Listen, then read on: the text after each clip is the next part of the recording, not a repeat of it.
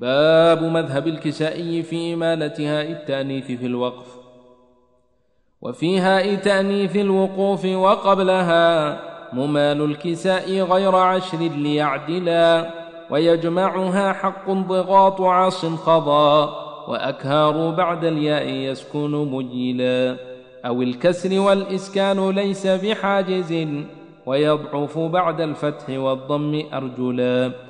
لعبره مئة وجهه وليكه وبعضهم سوى ألف عند الكسائي من يلا